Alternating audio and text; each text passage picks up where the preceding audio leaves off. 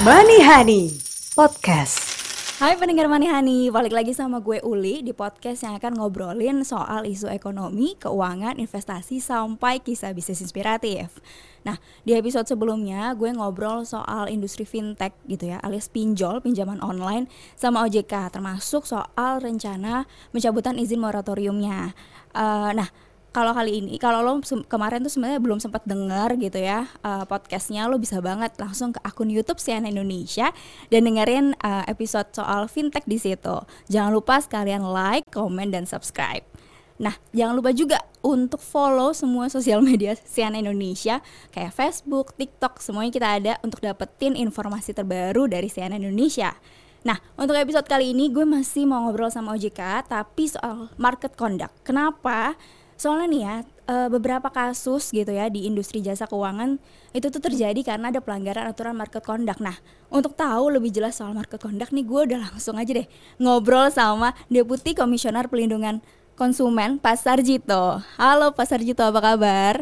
Apa kabar baik, Uli. Sebelumnya makasih ya Pak udah nyediain waktu untuk ngobrol nih sama aku di sini soal market conduct gitu. Mungkin uh, kalau kasusnya banyak gitu ya. Orang mungkin oh tahu nih kasus ini kasus itu. Tapi nggak tahu sebenarnya itu pelanggaran aturan conduct nah dengan yang ada saat ini gitu ya kasus-kasus yang uh, ada saat ini OJK tuh sebenarnya melihatnya gimana sih Pak? Dan sebenarnya itu apa pentingnya market conduct ini? Kenapa sebenarnya perusahaan tuh harus ikutin aturan market conduct itu gitu? Oke jadi ini saya pakai bahasa yang mudah supaya masyarakat juga uh, mudah melihatnya mendengarnya apa sih market conduct itu? Namanya juga kayaknya keren banget itu kan.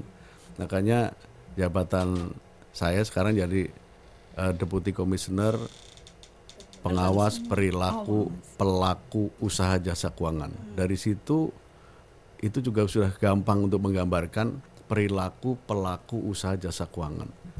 Jadi ini sebenarnya bukan rezim yang terlalu baru tetapi memang baru kan gitu ya. Jadi dulu kan kita di Bank Indonesia maupun di Bapepam LK uh, sebelum terbentuknya OJK itu kan uh, ngawasi industri itu bagaimana supaya industrinya atau per individu perusahaannya itu sehat kan gitu ya.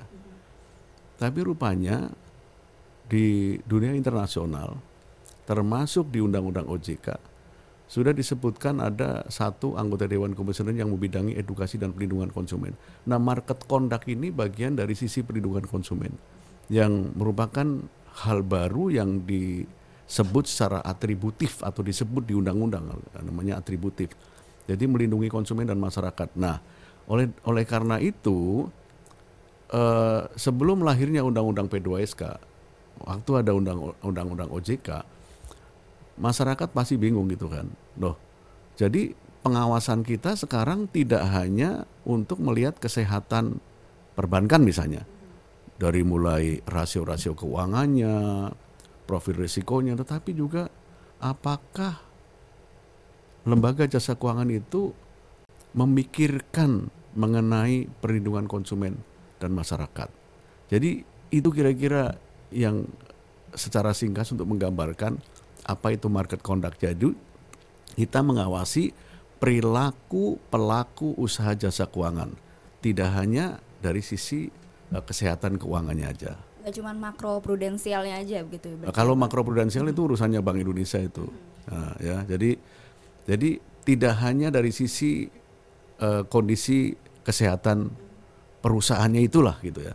Tapi dari sisi bagaimana treatment atau perlakuan perusahaan itu dari mulai mendesain produk. Ini yang gampang sampai memasarkan produknya ke masyarakat yang masyarakat itu merasa terlindungi. Dia tahu hak dan kewajibannya. Kira-kira itu. Nah, contoh sendiri dari uh, aturan market conduct itu kan kemarin mungkin kalau dari kasus ada yang kayak kemarin tuh penawaran imbal hasil asuransi unit link gitu hmm. yang terlalu tinggi gitu ya itu termasuk juga market conduct gitu ya ataukah uh, kemarin juga ada sempat dari reksadana ya OJK sempat sanksi beberapa manajer investasi. Nah ini dari sisi aturan market conduct ini seperti apa sih Pak OJK melihatnya? Contoh hmm. kalau di pasar modal misalnya kan ada perusahaan aset manajemen atau reksadana. Yang reksadana itu adalah bukan reksadana yang uh, berpenghasilan tetap. misalnya reksadana yang basisnya ekuitas lah gitu. Jadi investasinya di saham-saham. Tiba-tiba memberikan keuntungan pasti kepada pemegang unitnya. Ah, ini sudah jelas pelanggaran. Padahal Nah, sahamnya itu kan sendiri sahamnya itu naik turun kan gitu. Nah, kemudian tiba-tiba ada deposito suka-suka iklan ngomong kita nomor satu, ya kan? Membikin promosi syarat ketentuan berlaku, tapi nggak dijelasin. Apalagi memasarkan produk yang nggak sesuai dengan kenyataannya. Nah ini ini bagian dari market conduct. Itulah perilaku. Jadi makanya market conduct itu dari awal dari mulai desain produknya. Mungkin masih ingat masyarakat Indonesia ketika kasus 2008 namanya subprime mortgage di Amerika yang menyebabkan runtuhnya pasar Amerika. Ya karena membuat produk yang sebenarnya tidak cocok buat konsumennya. Konsumennya harusnya dikasih produk C, dia kasih produk A. Nah, makanya di yurisdiksi lain seperti di Inggris yang sekarang ada Financial Conduct Authority, di Australia ada APRA dan ESIC, hal-hal seperti itu tuh sangat diperhatikan.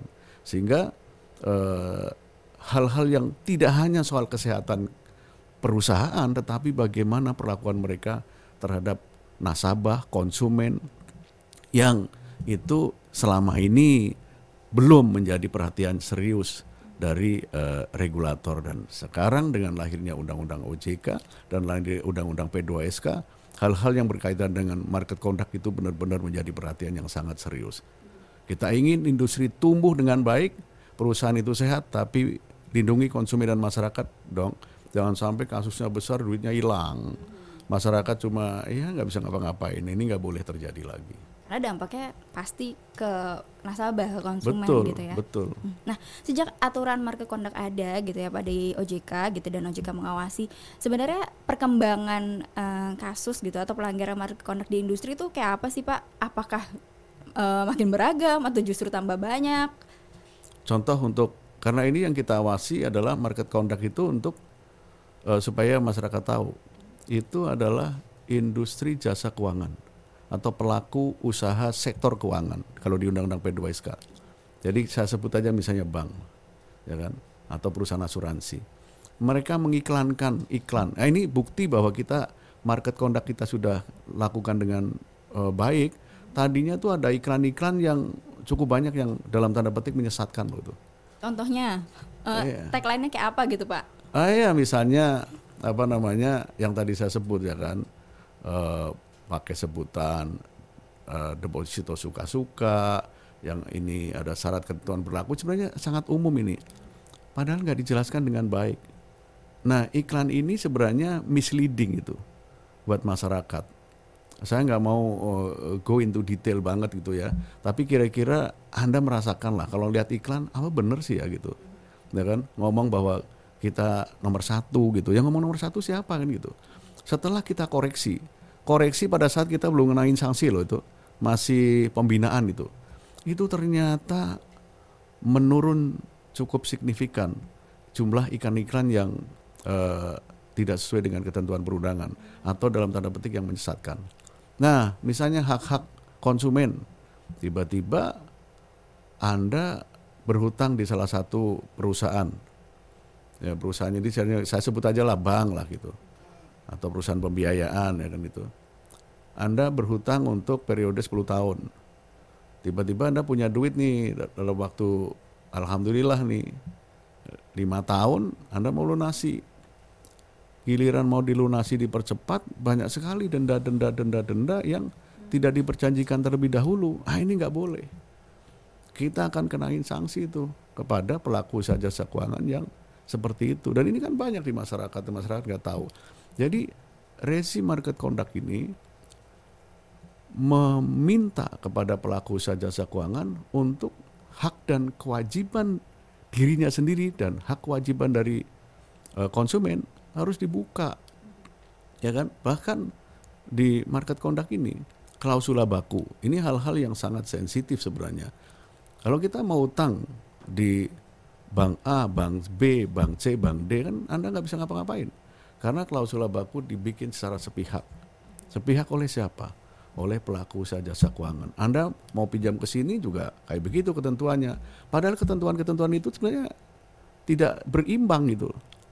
Terus Anda mau ngeluh ke siapa? Kan nggak bisa. Makanya regulator yang bisa masuk untuk meluruskan bahwa klausula baku ini nggak oke okay, gitu.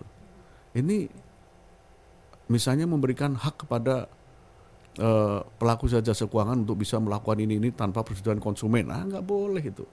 Makanya regulator yang masuk menertibkan ini supaya sebenarnya di era sekarang kalau pelaku jasa keuangan itu bertindak dengan sangat baik, memperlakukan konsumen dengan jauh lebih baik, maka tentu saja itulah pelaku jasa keuangan yang akan diminati gitu, siapa pun mereka. Dan kita mendorong untuk itu. Jadi jangan sampai ada pikiran bahwa market conduct ini nyusahin pelaku usaha jasa keuangan enggak gitu. Yang selama ini uh, tidak menjadi perhatian dari masyarakat. Oh ternyata ada nih hak dan kewajiban konsumen, hak dan kewajiban pelaku usaha jasa keuangan yang harusnya seimbang dong kan gitu. Itu kira-kira. Jadi semuanya harus ditulis di perjanjian meski di perjanjian kadang suka ada bintangnya banyak banget ya gitu ya Pak. Oh iya, jadi uh, misalnya tentang produk tadi mm -hmm. ya. Jadi tadi kan saya sampaikan dari mulai desain produk atau redesign uh, produk itu. Itu harus dipikirkan produknya complicated ini, susah. Kok ditawarkan kepada orang-orang biasa yang orang yang tidak berpengalaman bahkan nggak ngerti, dipaksa untuk beli. Kalaupun dia itu kaya, punya uang, tapi tentang produknya itu dia nggak paham. Makanya kita sekarang nggak bisa yang kayak gitu. Kita minta pelaku usaha jasa menjelaskan sedetail-detailnya.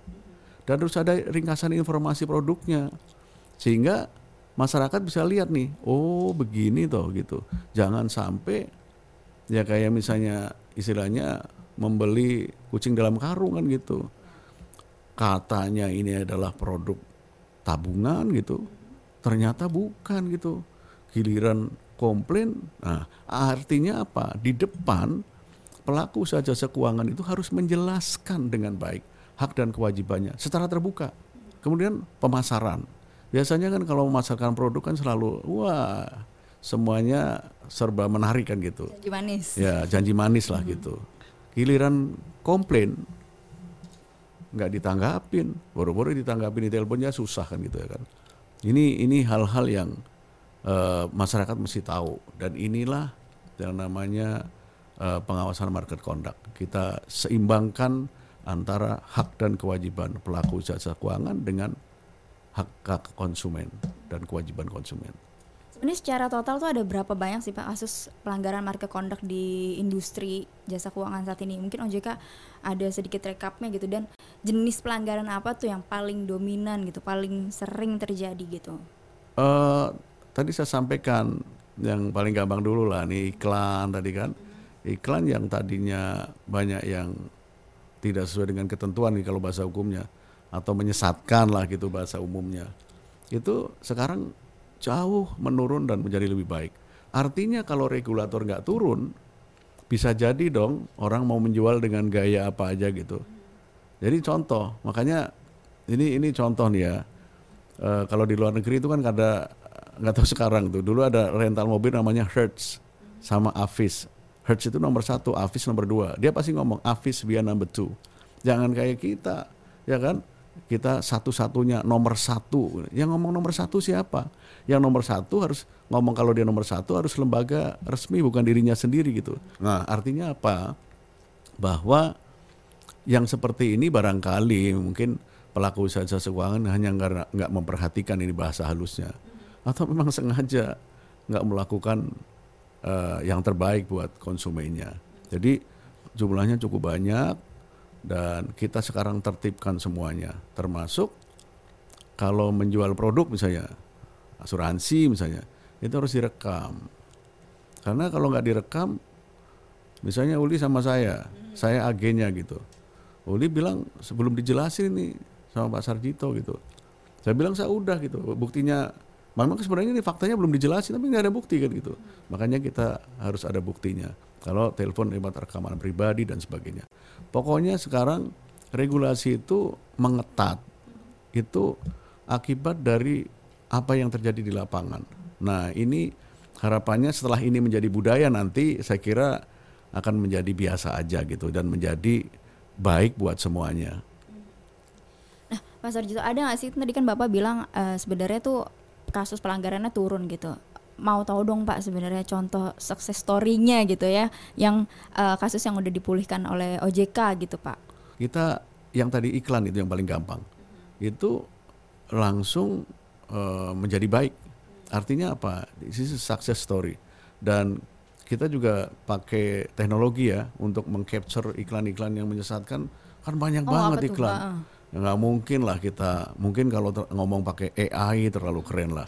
Tapi kita moving into that direction. Dan kita juga melakukan apa yang namanya uh, surveillance atau namanya mungkin kalau bahasa kerennya kayak operasi intelijen lah gitu ya. Jadi kita berpura-pura jadi nasabah ya kan, Eh, apa berpura-pura masuk ke ini. Tapi kita sewa orang loh. Kalau wajah saya kan eh, mukanya kan bukan nggak pantas muka kaya kan gitu ya, atau mungkin staff-staff saya.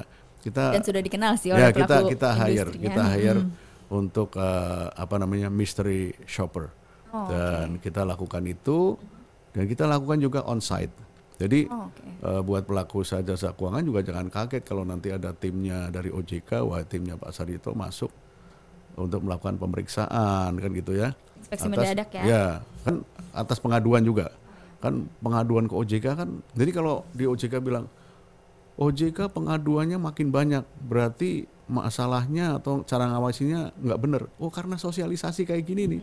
Nah sekarang kalau dengan saya podcast kayak gini nih nanti jadi masyarakat tahu nih rupanya mengadu ke OJK itu cukup gampang loh. Cuma nelpon ke 157 atau WA ke 081 157 157 157 nah begitu tahu baru mereka sadar bahwa oh ada begitu tuh Nah kemudian yang tadinya nggak tahu jadi lapor ke kita jadi makin banyak dan justru sukses dong kalau ada pengaduan makin banyak. Nah pengaduan-pengaduan gitu kita akan tindak lanjuti. Jadi eh, yang yang yang yang paling sederhana misalnya kan ini ada ada ada doktrin yang penting di di dalam eh, prinsip eh, perlindungan konsumen. Jadi kalau ada kesalahan direksi atau lalai direksi komisaris pegawai pelaku usaha jasa keuangan dan pihak lain yang dipakai oleh PUJK maka PUJK harus bertanggung jawab. Artinya apa? Kalau anda misalnya gampang lah nuker duit mau umroh gitu ya tiba-tiba eh, duit realnya yang ditukar tuh palsu gitu. Dilaporin tentu kan sama bank ke polisi kan gitu ya karena memang harusnya begitu prosedurnya. Tapi kami juga melakukan pemeriksaan kalau dari pemeriksaan kita ternyata membuktikan bahwa ternyata ini teller banknya atau customer service yang melakukan itu kita nggak akan nunggu-nunggu eh, proses hukum sampai inkrah. Nanti Uli nggak bisa umroh lah gitu ya. Maka kita akan perintahkan kepada bank untuk mengganti dengan cepat gitu. Sepanjang terbukti bahwa nasabah ini ya itu tidak merupakan bagian dari eh, yang melakukan kejahatan benar-benar eh, dikadalin lah gitu kira-kira itu Pak, biar makin aware gitu ya. Sebenarnya tuh tadi dampak dari pelanggaran kasus market conduct ini ke konsumen gitu ya. Eh, kerugiannya tuh apa aja, Pak? Selain mungkin dia nanti kayak misalnya tadi Bapak bilang, "Oh, giliran mau pelunasan lebih cepat ternyata banyak nih dendanya." gitu ya. Selain dari sisi itu apalagi sih Pak dampaknya gitu, Contoh Pak? yang saya yang paling gampang itu adalah eh, menjual produk tidak sesuai dengan eh, yang sebenarnya. Jadi ceritanya misalnya ini benefitnya ini ini ternyata enggak. Itu yang namanya mis-selling. Nah, kita akan kenakan denda eh, signifikan itu. Karena kita tidak mau masyarakat kita tidak dijelaskan produknya dengan sangat baik. Kita ingin masyarakat kita, konsumen kita memperoleh gambaran yang utuh tentang dulu. Ini kan mengajarkan ini ajaran agama gitu, mengajari kejujuran kan gitu ya. Jadi eh, kita nggak boleh ada cacat tersembunyi. Yang tersembunyi pun itu disampaikan. Hal-hal seperti ini kepada masyarakat dan ini sebenarnya tujuan kita agar supaya ada fairness di dalam eh, transaksi bisnis usaha apa pun eh, yang ujung-ujungnya jangan sampai perusahaannya untung tapi konsumennya dirugikan kan gitu. Nah ini sebenarnya mandat yang paling penting, transparansi. Terus jangan sampai eh, data pribadi kemudian dijual, ya kan? Itu nggak boleh itu. Dan itu bagian dari eh, prinsip-prinsip eh, perlindungan konsumen. Jadi kadang-kadang kalah, kadang kalah nih ya. Ada orang ngelamar kerja aja, nah itu udah nggak dipanggil gitu kan? Tahu-tahu identitasnya dipakai. Nah, kalau ini terjadi di pelaku usaha jasa keuangan dan kita tahu eh, mereka menjual data itu, data nasabah apa pun namanya, kita akan eh, apa namanya eh, periksa dengan sangat serius. Supaya apa? Nggak boleh itu terjadi. Transparansi produk tadi saya sampaikan itu kan. Nah, makanya saya bolak-balik yang paling gampang ya itu gitu. Jadi cara jualnya juga harus benar. Nggak boleh jual itu eh, barang-barang yang tidak sesuai dengan sebenarnya gitu. Jadi supaya kejual aja gitu. Nah, ini kan banyak sekali di masyarakat. Dan masyarakat jadi kadang-kadang merasa oh gue tertipu ini kan gitu. Tapi kalau suruh buktikan eh, ketipunya di mana pasti susah dia ya kan? Seperti yang tadi saya bilang Uli sebenarnya saya tipu. Atau saya tidak jujur menjelaskannya itu. Tapi anda nggak punya bukti kan gitu. Makanya kita OJK selalu melakukan eh, regulatory enhancement mengenai hal-hal seperti itu. Ya, yang dampak soal data pribadi ini ini ya eh, contoh kerugian baru gitu ya Pak kalau sekarang gitu ya. Maksudnya sebenarnya udah terjadi dari sebelumnya sih, cuman maksudnya semakin masif gitu ya. Eh kalau di industri jasa keuangan ternyata kerugiannya bisa sampai itu juga gitu ya kalau data pribadi ya. Betul dan sebenarnya dari pelaku usaha jasa keuangan juga pusing juga loh, ya kan? Karena apa? Mereka harus investasi di IT, dari cyber attack yang kita nggak pernah tahu karena penjahat biasanya uh, one step ahead itu istilahnya kan gitu ya. Dan uh, kalau itu terjadi kan masyarakat nggak mau tahu gitu loh, ya kan nggak mau tahu. Wah pokoknya di attack pun juga. Nah jadi harus ada upaya yang dari dalam yang ketat dan kita akan pastikan itu jangan sampai uh, data pribadi tidak dijaga dengan baik oleh pelaku jasa keuangan dan ini nggak boleh. Dan saya tadi bilang dari pelaku jasa keuangan sekarang nggak mudah karena di Undang-Undang Pelindungan Data Pribadi itu juga ancaman hukumannya cukup signifikan gitu dan dan oleh karena itu harus menjadi alert gitu ya. Karena di era digital ini semuanya serba mungkin karena istilah saya nih pakai bahasa gampang, kejahatan di sektor jasa keuangan sekarang bisa di bumi dan di langit. Tahu-tahu karena ngeklik yang lewat WA apa SMS spam, tahu-tahu duitnya hilang itu ngisi apa gitu ya. Makanya kalau ternyata data pribadi itu tidak dijaga dengan baik oleh konsumennya, nah ini salahnya konsumennya gitu. Jadi jangan jangan khawatir ini pelaku jasa keuangan pas, mendengarkan eh, podcast ini lalu wah ini bahaya dong kalau buat pelaku jasa jasa keuangan kita juga lindungi loh. Dari pemeriksaan kita kita akan buktikan bahwa ini orangnya hati-hati nggak gitu. Misalnya eh, OTP nggak hati-hati, terus di share pin ke pacar atau apa ya itu yang kayak gitu-gitu salahnya konsumen itu. Jadi kita benar-benar hati-hati gitu. Jadi pelaku usaha jasa keuangan juga kita harus jagain dengan baik. Tapi dia juga harus jagain dong data-data nasabahnya gitu ya. Agar supaya jangan sampai bocor oleh karyawannya misalnya. Artinya jangan sampai ada alasan itu karyawan saya pak, kami nggak ada policy gitu, nggak mau tahu gitu. Ya karyawan kamu salah ya, anda tanggung jawab gitu. Kira-kira itu. Nah, ini menarik nih Pak Sarjito kan bilang selain ada perlindungan konsumen, sebenarnya konsumen ini juga harus eh, melek gitu ya, harus sadar, harus eh, teredukasi juga gitu, harus bijak gitu ya. Nah ini kalau bisa pendekatannya ke contoh kayak kasus eh, unit link gitu ya. Oke. Di satu sisi oke mungkin ini ada juga nih salah dari agennya, dari asuransinya gitu ya, bilang eh, iming-iming imbal hasil terlalu tinggi gitu. Tapi sebenarnya kan dari pre- dari konsumennya kan harusnya sadar juga ya, kalau beli unit link ini bukan cuman uh, bayar premi untuk proteksi tapi memang investasi dan investasi itu beresiko. Nah, ini tengahnya nih gimana sih Pak dari segi perlindungan konsumen gitu, Pak? Jadi gini, makanya kita bicara perlindungan konsumen banyak akhirnya yang pelaku jasa keuangan kalau dalam suatu seminar atau apa nanya ke saya, Pak perlindungan terhadap kami mana Pak gitu, ya kan?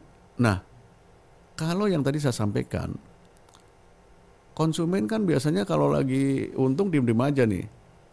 Kalaupun dia tahu atau sepatunya tahu, tadi yang sampaikan misalnya, dia beli aset manajemen berpenghasilan tetap, padahal dia tuh terliterasi loh. Nah, ini kalau dia terliterasi artinya harusnya kalau ekuitas kan saham kan harganya naik turun itu nggak mungkin dong gua pengha- berpenghasilan tetap gitu. Nah kalau dia tahu eh, banyak juga yang dia tahu seperti itu dapat penghasilan tetap karena menguntungkan dia diam begitu ada masalah dia teriak gitu.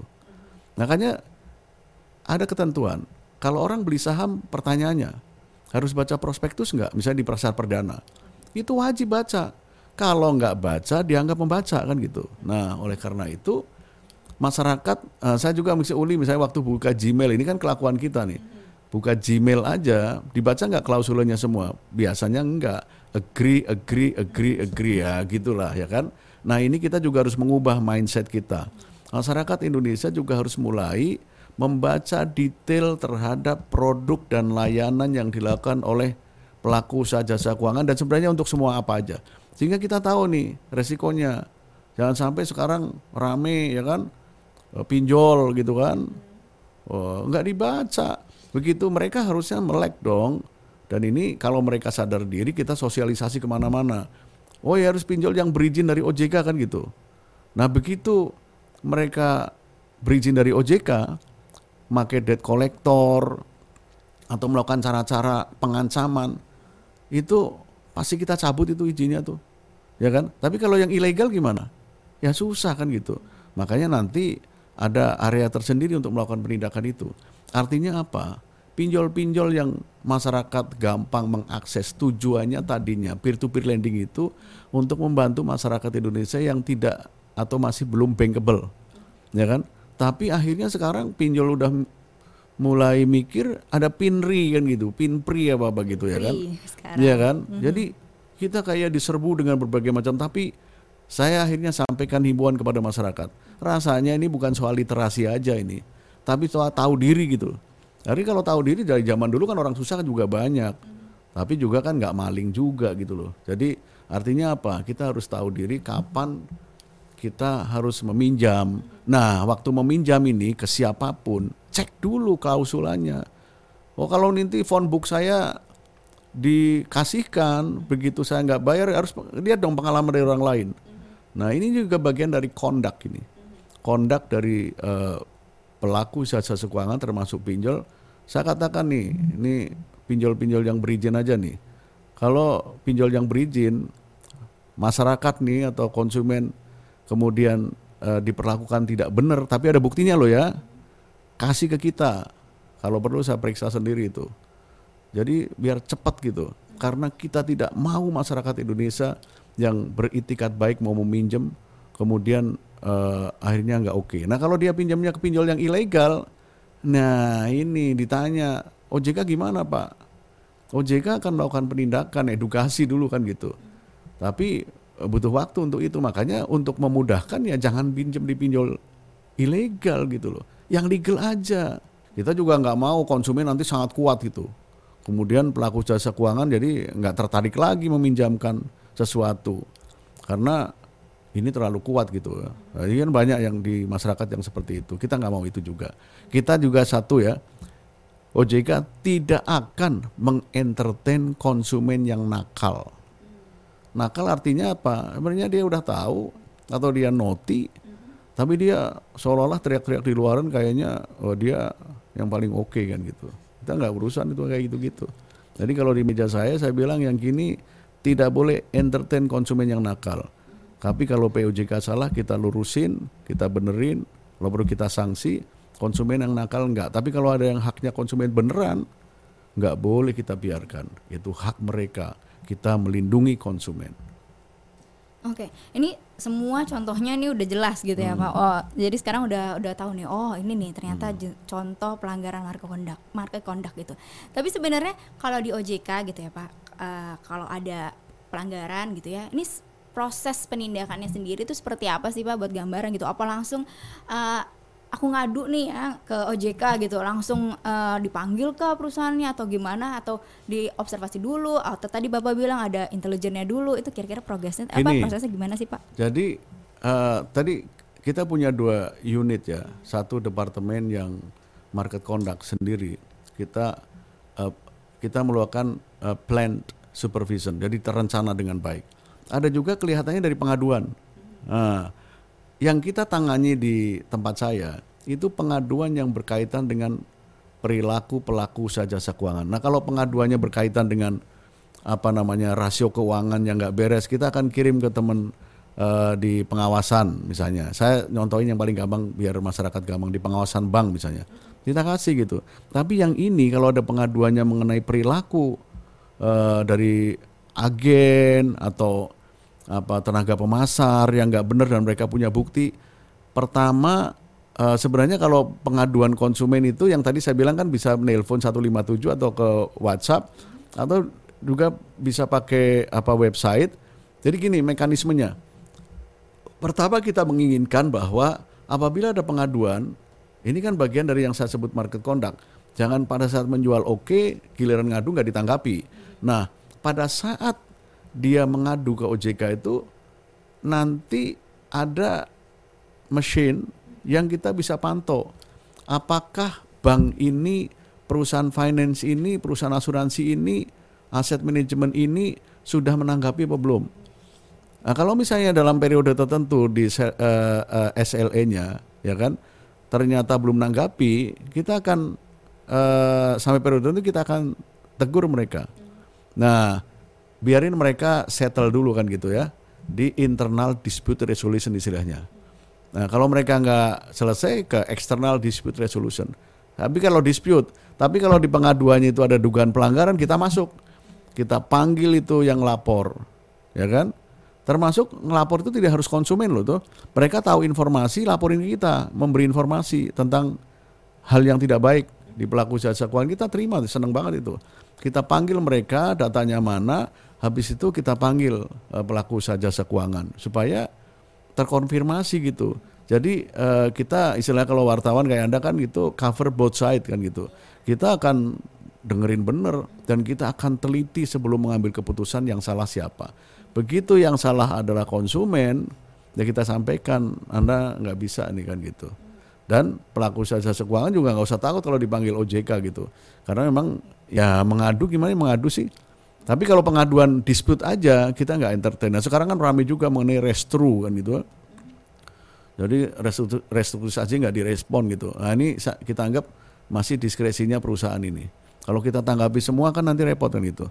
Tapi kalau benar-benar ada dugaan pelanggaran, baik karena nelpon 157 atau WhatsApp atau tadi lewat uh, eh, APPK, aplikasi portal perlindungan konsumen, kita akan follow up dengan baik.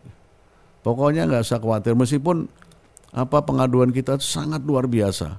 Jadi tim saya itu bahkan uh, bisa jadi salah satu unit yang susah untuk work from home itu, karena kita harus harus uh, pantau benar ya pak. Iya hmm. harus memastikan uh, semua uh, data-datanya uh, oke okay dan mengambil keputusan mana yang benar mana yang salah gitu itu udah dari contoh dari uh, proses penyelesaian nah tapi kalau dari aturan gitu ya pak sekarang ini kan uh, terakhir tuh ada POJK 6 ya pak ya yeah. Iya. uh, soal apa perlindungan konsumen hmm. dan masyarakat di sektor jasa keuangan nah ini nih fokusnya apa dan strategi ke depan dari OJK apakah sekarang bapak melihat ini pak aturannya perlu ada nih beberapa poin yang diperbaharui gitu ini seperti apa pak spillnya okay. dong pak dari OJK okay. gitu pak saya ceritakan uh, sejarah POJK 6 2022 salah satu yang POJK terberat yang pernah uh, dikerjakan oleh OJK. Karena respon dari masyarakat luar biasa, termasuk tentu dari pelaku jasa keuangan. Karena ini kayaknya hal baru ini. Seolah-olah POJK ini akan benar-benar sangat merugikan pelaku jasa keuangan. Karena ada enhancement di sisi konsumen. Bahkan ada yang mengusulkan juga nih, waktu itu sebelah mm -hmm. waktu perumusan undang-undang P2SK itu ada yang mengusulkan anggota Dewan Komisioner Perlindungan Konsumen ditiadakan saja kan gitu ya kan. Oh, sampai ya kan? ditiadakan ya.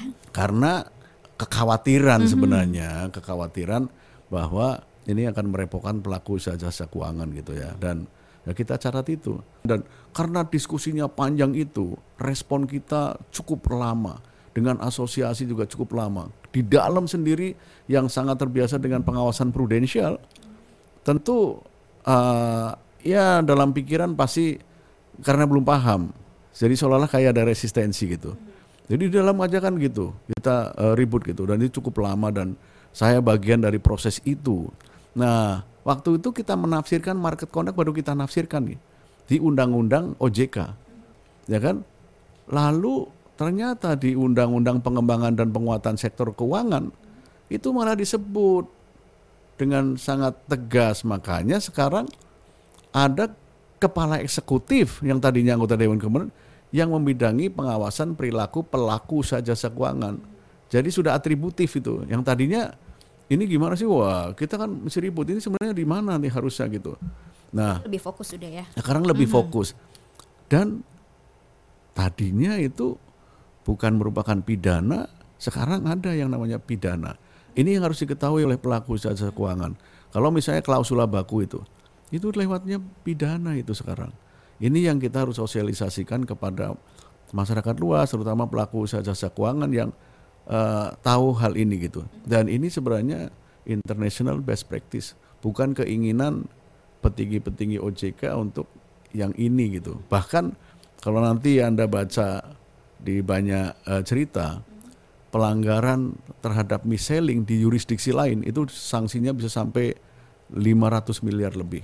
Ini ini contoh bahwa di yurisdiksi lain mengenai perlindungan konsumen menjadi sangat eh, itu penting concernnya itu. ya. Mhm. Nah, ke depan dari OJK Pak dengan melihat juga dari eh, best practice di luar gitu ya.